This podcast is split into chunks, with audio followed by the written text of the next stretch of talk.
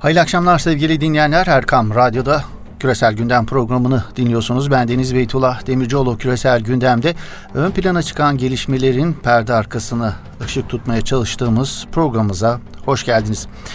E, Sudan'daki gelişmeler dış politik gündemde yakından takip edilen konular arasında yer almayı sürdürüyor. Malum Sudan'da 19 Aralık'ta ekonomik kriz sebebiyle başlayan gösterilerin hızla başkent Hartum ve ülke genelinde rejim karşıtlığına dönüşmesinin ardından ordunun 11 Nisan'da yönetime el koyduğunu açıklamasıyla 30 yıllık Ömer El Beşir dönemi sona ermişti. Darbe sonrası yönetimi devralan askeri konseyin izleyeceği yol haritasının ne olacağı merakla bekleniyor. Sudan sokağını yönlendiren aktivistler, meslek gruplarından müteşekkil muhalifler, askerlerin yönetimi bir an önce sivillere devredilmesi başta olmak üzere bir dizi taleplerinin yerine getirilmesini ısrarla dillendiriyorlar. Askeri konseyin muhalefetin çatı oluşumu, özgürlük ve değişim bildirgesi güçleriyle ülkeyi krizden çıkarmaya yönelik temel ilkelerde ve ortak bir komite kurulmasında anlaşmaya vardığını açıklaması günün dikkat çeken haberler arasındaydı. Konseyin sözcüsü Şemsettin El-Kebbaşi, özgürlük ve değişim bildirgesi güçleriyle başkent Hartum'da gerçekleştirilen görüşmenin ardından basına bir açıklamada bulundu.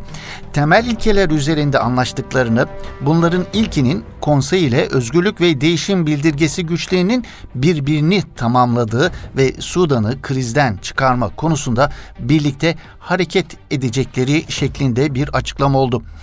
Kebaşi aynı zamanda söz konusu güçlerle ortak bir komite kurulması konusunda da mutabık kaldıklarını söyledi.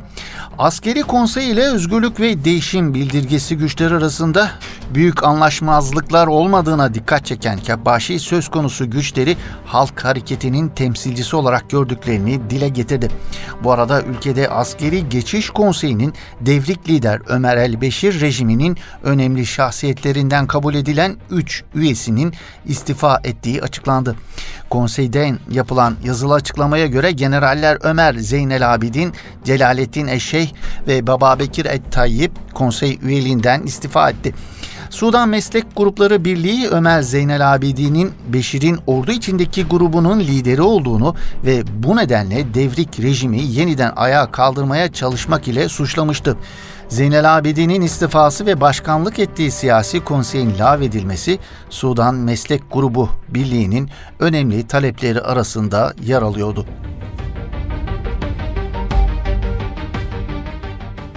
Evet Sudan'daki gelişmelerden Türkiye-ABD ilişkilerine geçiyoruz sevgili dinleyenler. Türkiye-ABD ilişkilerindeki S-400 sancısı sürüyor.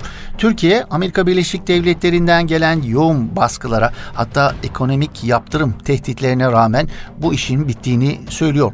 Rusya'ya ait silah şirketi Rosoboron Export da Türkiye'nin ilk S-400'lerini Temmuz ayında almaya başlayacağını açıkladı nitekim.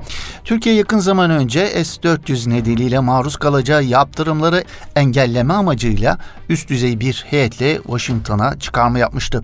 Bu temaslarda Türkiye'nin ABD'li yetkililerle bir orta yol arayışında olduğu ifade edilmişti. Bu orta yolun henüz bulunduğunu söylemek mümkün gözükmüyor. Bu arada S-400 füze savunma sistemlerini satın alması durumunda Türkiye'ye yaptırım uygulanacağı ve F-35 uçaklarının teslim edilmeyeceği yönündeki ABD'li senatörlerin açıklamaları gelmeye devam ediyor. ABD'li Demokrat Senatör Bob Menendez, Türkiye'nin hem F-35 hem de S-400'ü aynı anda alma şansı olmadığını söyledi. Yunanistan medyasına konuşan Menendez, eğer Cumhurbaşkanı Erdoğan S-400 füze savunma sistemlerini satın almada ısrar edip satışı ve kurulumu tamamlarsa ilk başta kongreye sunmuş olduğum yasa tasarısı bazında yaptırım uygulanacak. Bu durumda muhtemel yaptırımlar değil, zorunlu yaptırımlar söz konusu olacak. Biz bunu istemiyoruz ve Türkiye'ye farklı alternatifler önerdik. S-400 sistemi NATO'nun mimarisiyle bağdaşmıyor ifadelerini kullandı. Yunanistan medyasına verdiği demecinde. Amerikalı senatörlerin bu tehditlerine mukabil Rus uzmanlar ise Amerikalıların Türkiye ekonomik ya da mali yaptırım uygulayacaklarını tahmin etmediklerini ileri sürüyorlar.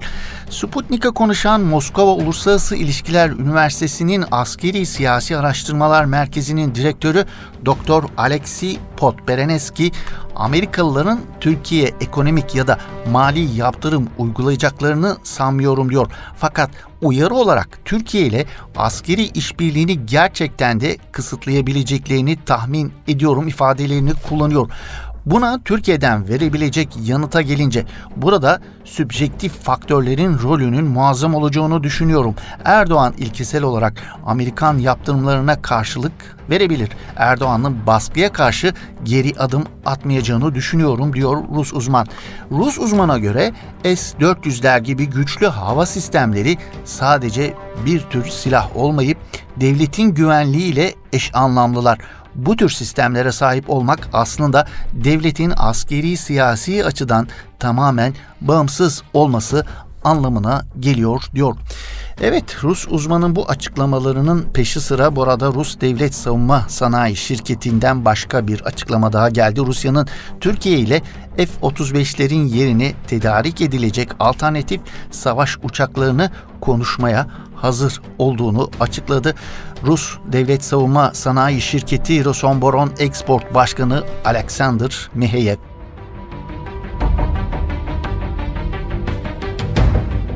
Türkiye-Amerikan ilişkilerinden geçiyoruz. Suudi Arabistan-Amerikan ilişkilerini sevgili dinleyenler katledilen Suudi gazeteci Cemal Kaşıkçı'nın da yazdığı Washington Post gazetesi hem Kaşıkçı cinayetinin peşini bırakmıyor hem de Suudi yönetimini her şart ve koşulda kollayan Trump yönetimini rahatsız eden yayınlarını sürdürüyor.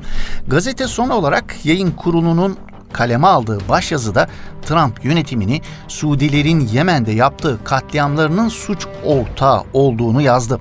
Veliaht Prens'in Kaşıkçı cinayetinden sorumlu olduğu sonucuna vardıktan sonra ona serbest geçiş imkanı vermek daha fazla katliama davetiye çıkarmaktır diyen analizde Yemen'deki savaşta çok sayıda sivilin ölümüne neden olan Suudi Arabistan öncülüğündeki koalisyona destek veren ABD yönetiminin suç ortağı olduğunu ileri sürdü Washington Post. Trump yönetimi Suudi katliamlarının suç ortağıdır başlıklı başyazıda Suudi Arabistan öncülüğündeki koalisyonun 26 Mart'tan bu yana Kitaf'ta bir hastaneyi ve Sana'da bir okulu bombaladı ve bu saldırılarda 12 çocuk en az 21 sivilin hayatını kaybettiğini hatırlatılan yazıda Birleşmiş Milletler soruşturmasında sayısız savaş suçunun tespit edildiği de vurgulandı. Başkan Donald Trump, ABD'nin Yemen'deki savaşa dahlini sonlandıracak yasa tasarısını veto ederek bu kaydı yok saydı diyor Washington Post. Başkan söz konusu tasarının kendi anayasal otoritesini zayıflattığını ve Yemen'de Suudi koalisyona eşlik eden hiçbir Amerikan askerinin olmadığı gerekçesiyle tasarının gereksiz olduğunu savundu ifadesine yer veriyor. ABD'nin Suudi Arabistan'a sağladığı lojistiğin ve istihbarat bilgilerinin Trump tarafından bölgedeki düşmanlıklarla ilgisiz sayıldığı da kaydediliyor. Evet Washington Post'un başyazısında gerçekte Suudilerin bombalamaları ABD'nin desteği, bomba satışı ve diğer materyallerin zemini olmaksızın sürdürülebilir olmazdı. Bu Trump yönetimini en son okul ve hastane bombardımanında olduğu gibi Yemen'de devam eden katliamlarda suç ortağı yapar. Ayrıca kongre dış politikadaki aşırı umursamaz tavrı içerideki emsalsiz baskısıyla örtüşen Veliaht Prens Muhammed Bin Selman tarafından tarafından yönetilen Suudi rejimiyle ilişkilerinde ABD'nin bir politika değişikliğine gitmesi için başka bir yol bulmalı değerlendirmesinde bulunuyor Washington Post. Gazetenin başyazısında ABD Senatosu'nda kabul edilen tasarının önerdiği Yemen'deki bombalamalar durana kadar Riyad'a silah satımının durması ve Cemal Kaşıkçı cinayetinin faillerinin hesap vermesi başlıklarının önemine vurgu yapıldı. ABD Kongresi'nin her iki kanadında da kabul edilerek başkanın önüne gelen ve ABD'nin Yemen'de devam eden savaşta Suudi Arabistan'a verdiği desteği kesmesini öngören yasa tasarısı 16 Nisan'da Trump tarafından veto edilmişti sevgili dinleyenler.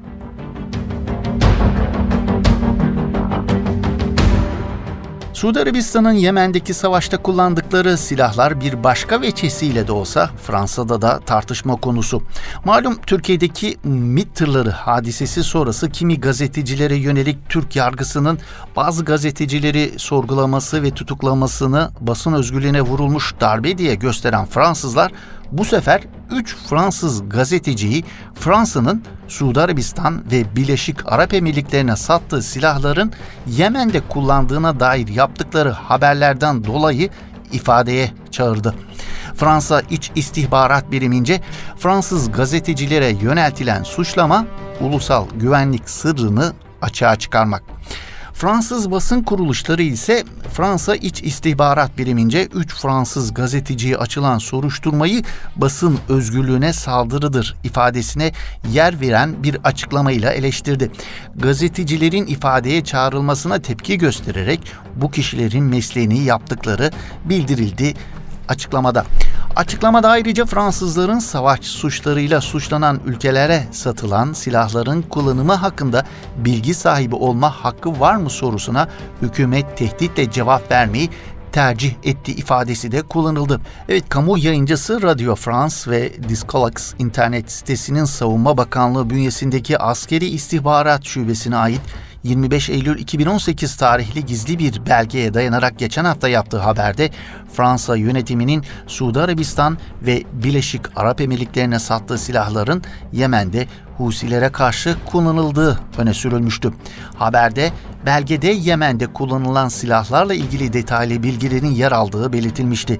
Yemen'de Fransızlara ait topların kullanıldığı bölgelerde Mart 2016 Aralık 2018 döneminde düzenlenen 52 saldırıda 35 sivilin hayatı kaydettiği bildirilmişti. Yemen'de aynı zamanda 70 Fransız savaş uçağının ve Fransa'nın 1990'lı yıllarda Birleşik Arap Emirlikleri'ne sattığı savaş tankının da kullanıldığı kaydedilen belgede Yemen'de en çok hava saldırılarının can kaybına neden olduğu Riyad'ın Mart 2015'ten bu yana Husilerin elinde tuttuğu topraklarda yoğun hava saldırıları düzenlediği bu saldırıların sayısının 2015'ten bu yana 24 bin olarak belirlendiği vurgulanmıştı. Belgede Suudi Arabistan'ın Yemen'de bu hava saldırılarını yapmak için kullandığı savaş uçaklarının Fransız teknolojisiyle donatıldığı ve bunun Fransız şirketi Thales tarafından üretildiği bildirilmişti. Belgede Fransız devletinin Suudi Arabistan'a silah satmaya devam ettiği ve 2023'e kadar bu ülkeye 147 savaş topu teslim edeceği belirtilmişti.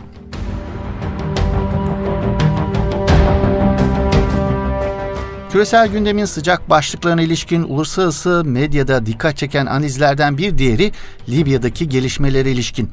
Muammer Kaddafi'nin 2011 yılında öldürülmesiyle sonuçlanan ayaklanmadan bu yana Libya siyasi bir türbülansın içinde. Ülkenin doğusunu kontrol altında tutan Arap Baharı karşıtı cephenin desteklediği eski General Halife Haftar bu siyasi türbülansın baş sorumlularından biri olarak gösteriliyor. Hafter geçen haftalarda Birleşmiş Milletler ve uluslararası toplum tarafından Libya'nın resmi hükümeti olarak kabul edilen Trablus merkezli Faiz Seraç hükümetine karşı bir saldırı başlatmıştı.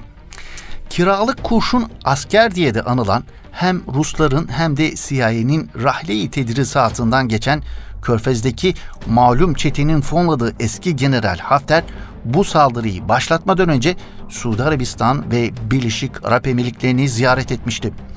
Abu Dhabi Veliaht Prensini de araya girmesiyle Donald Trump ile de bir telefon görüşmesi gerçekleştirmişti Hafter. Amerikan Washington Post gazetesi ABD Dışişleri Bakanlığı Libya'da taraflara diyalog çağrısı yaparken Başkan Trump'ın Birleşmiş Milletler tarafından tanınan Trablus yönetimine karşı harekete geçen General Hafter'i telefonla arayıp destek vermesini sorguluyor. Gazeteye göre Trump'ın bu hamleyle Libya'da Selefi Obama yönetiminden kalma Birleşmiş Milletler himayesinde siyasi çözüm çizgisini rafa kaldırdığı ileri sürülüyor. Gazete Hafter'in aralarında Fransa ve Rusya'nın da olduğu diğer güçleri de örtülü müttefik olarak gördüğünü belirtiyor. Peki Trump neden kurşun asker Hafter'i destekliyor? Veliaht Prens ile görüşmesini gündeme taşıyor Washington Post.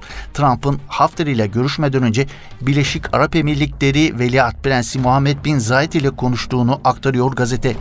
Birleşik Arap Emirlikleri, Suudi Arabistan ve Mısır'ın Hafter'i yoğun bir şekilde desteklediğini yazan gazeteye göre Trump, 2011 Arap Baharı dalgasını daha fazla hak ve özgürlük arayışından ziyade İslami hareketleri zemin hazırladığını düşünen yaklaşıma destek veriyor.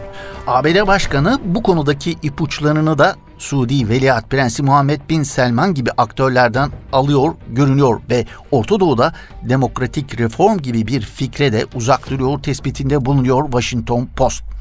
Orta Doğu uzmanı James Dorsey ise Trump ile Rusya lideri Putin'in insan hakları sicili sorumlu olan Hafter'in Libya'yı yönetmesini tercih etmelerinin bölgede istikrarın en iyi otoriter yönetimlerle sağlanabileceğine dair inançlarını yansıttığını öne sürüyor. Washington Post bu tavra uygun olarak Trump'ın 2013'te darbeyle iktidara gelen Mısır Devlet Başkanı Abdülfettah el-Sisi'yi güçlü bir şekilde desteklediğini, Birleşik Arap Emirlikleri ve Suudi Arabistan'ın da Kahire'ye milyarlarca dolar yardım yaptığını hatırlatıyor. Gazete son olarak Libya'da Hafter'e açık desteğe ilaveten 30 yıllık Ömer el-Beşir iktidarının devrildiği Sudan'daki Askeri Geçiş Konseyi adlı cuntaya Abu Dhabi ve Riyad'ın 3 milyar dolar destek açıklamasının da altını çiziyor.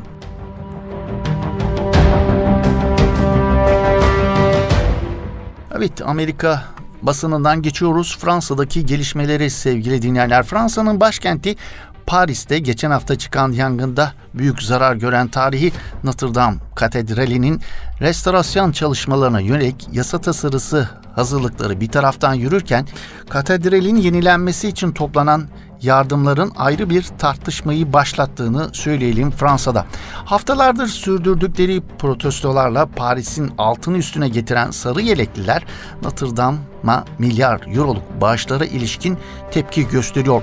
Sarı yelekliler kendi talepleri göz ardı edilirken tarihi eserin tekrar inşa edilmesi için milyar euroluk yardım toplanmasına tepki gösteriyor. Hükümetin Notre Dame yangınında gösterdiği tavra eleştiren sarı yelekliler Paris'te park halindeki birçok araç ve motosikleti ateşe verdi. Protestocular yangında kül olan tarihi katedrale uluslararası destek verilmesinin taleplerini gölgede bıraktığını, bunun kendilerini hayal kırıklığına uğrattığını söylüyor.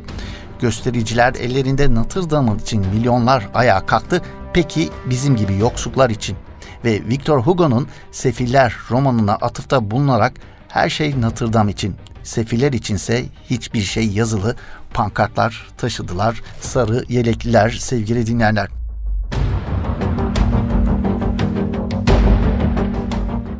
Evet, Cezayir'e dönüyoruz sevgili dinleyenler. Bir müddettir Katar'da tedavi gören Cezayir İslami Selamet Cephesi lideri Abbas Medeni 88 yaşında Doha'da vefat etti. Cezayirli bir düşünce ve eylem adımı olan Abbas Medeni, Cezayir bağımsızlık mücadelesinden bu yana İslami mücadeleyi sürdürenlerle beraber hareket eden önemli isimlerden biriydi. Abbas Medeni liderliğindeki İslami Selamet Cephesi 1992 yılında yerel seçimlerde büyük bir başarı elde etmişlerdi. İslami Selamet Cephesi'nin bu başarısından endişelenen Batı'nın da tahrikleriyle Cezayir ordusu 16 Ocak 1992 tarihinde yani seçimlerin ikinci turunun yapılacağı tarihe 5 gün kala gerçekleştirdiği darbe ile yönetime el koyarak seçimlerin ikinci turunu iptal etmiş ve Genel Başkan Profesör Doktor Abbas Medini başta olmak üzere İslami Selamet Cephesi'nin ileri gelenlerinin çoğunu tutuklamıştı. Ondan sonraki 10 yıl boyunca Cezayir kanlı bir iç çatışmanın içerisine girmiş ve 200 bine yakın insan hayatına mal olmuştu yaşanan süreç içerisinde. Tekrardan Cezayir İslami Selamet Cephesi'nin lideri Abbas Medeni'ye rahmetler diliyoruz sevgili dinleyenler. Evet bu haberimizde bugünkü küresel gündem programımızın böylelikle sonuna gelmiş bulunuyoruz sevgili dinleyenler. Yeni bir küresel gündemde, yeni gündemlerde buluşmak ümidiyle hoşçakalın. İyi akşamlar efendim.